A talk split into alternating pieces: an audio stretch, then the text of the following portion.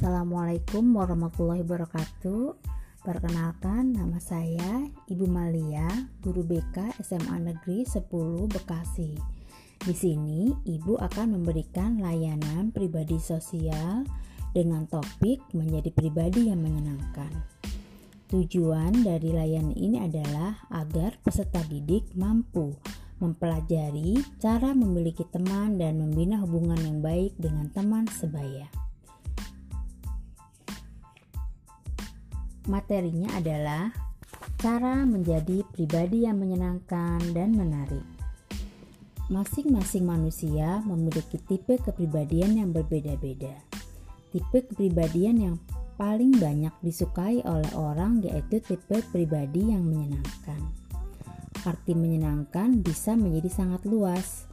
Menyenangkan memiliki arti dapat diterima oleh orang di sekitarnya dan disukai oleh orang lain. Menjadi orang dengan tipe pribadi yang menyenangkan akan memiliki banyak teman, banyak relasi, dan dimudahkan segala urusannya karena banyak orang yang bersedia membantu. Orang dengan tipe ini memiliki kemampuan menjadi orang yang menyenangkan sudah dari bawaan. Namun, tidak ada salahnya apabila kita ingin belajar menjadi orang yang menyenangkan dan merubah kepribadian kita menjadi lebih baik. Berikut ini adalah beberapa cara menjadi pribadi yang menyenangkan yang bisa Anda lakukan. 1. Tunjukkan minat pada orang lain. Perhatikan hal-hal kecil terkait lawan bicara Anda. Berikan komentar baik padanya seakan menunjukkan perhatian atau minat yang lebih padanya. Berikan respon dengan pertanyaan-pertanyaan singkat yang memancing cerita bagi lawan bicara yang sedang berbincang-bincang. Yang kedua, berilah pujian. Semua orang suka dipuji yang baik-baik. Hargai usaha orang lain dan berikan pujian karena sudah berusaha. Setiap orang memiliki target hidup yang berbeda-beda dan belum tentu target Anda lah yang paling baik. Yang ketiga, jadilah pendengar yang baik. Menjadi pendengar yang baik lebih mulia daripada menjadi orang yang aktif berbicara. Pendengar yang baik adalah sosok yang paling dibutuhkan oleh orang lain. Dengarkanlah cerita atau obrolan dengan lawan bicara dengan baik tanpa memotong pembicaraannya jika tidak perlu. Yang keempat, jadikan orang lain merasa dirinya penting.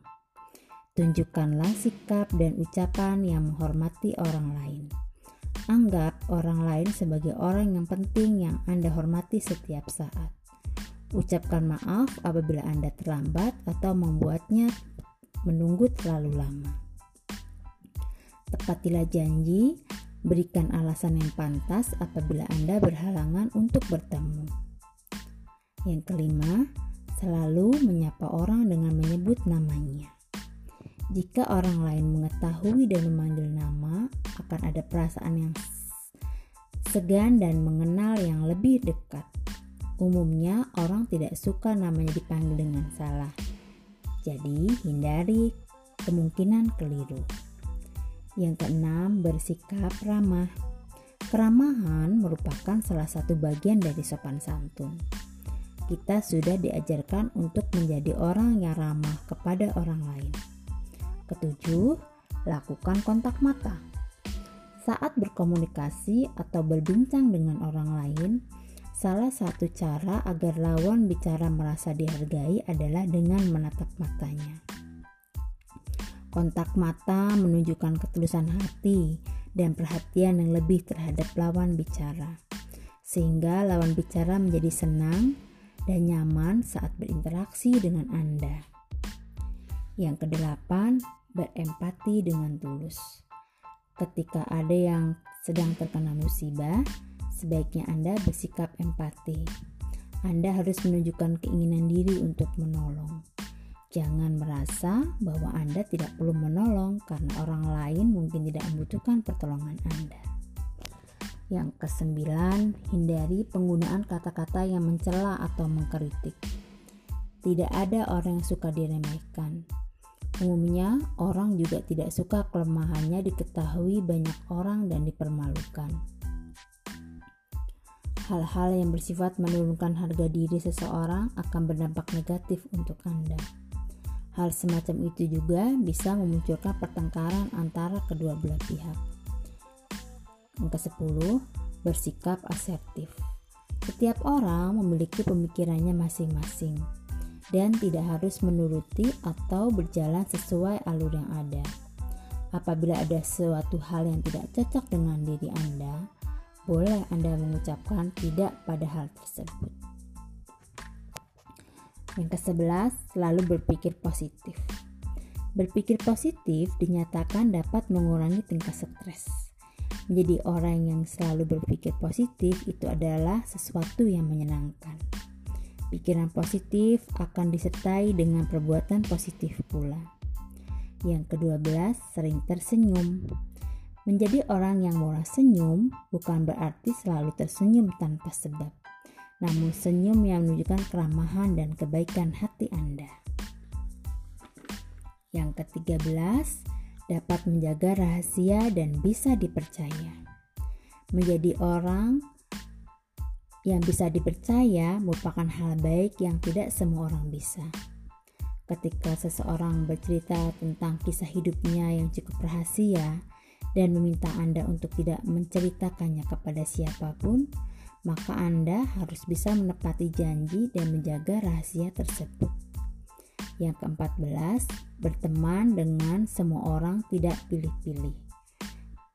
Cara menjadi pribadi yang menyenangkan adalah tidak pilih-pilih teman. Orang memang memiliki banyak karakter individu yang berbeda-beda. Tidak semua orang baik, dan juga tidak semua orang buruk. Jangan pilih-pilih teman. Bertemanlah dengan siapa saja asalkan orang tersebut baik dan tidak menimbulkan dampak buruk pada diri Anda. Orang-orang baik juga akan dikelilingi dengan orang baik juga. Yang terakhir, humoris atau suka bercanda. Poin terakhir ini sangat membantu Anda menjadi orang yang menyenangkan. Orang yang menyenangkan akan lebih banyak bercanda dan tertawa lepas.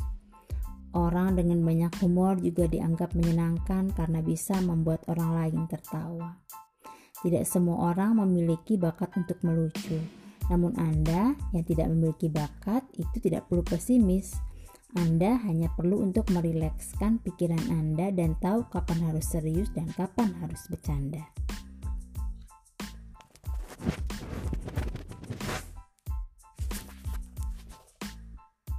Sekian layanan pribadi sosial lewat podcast.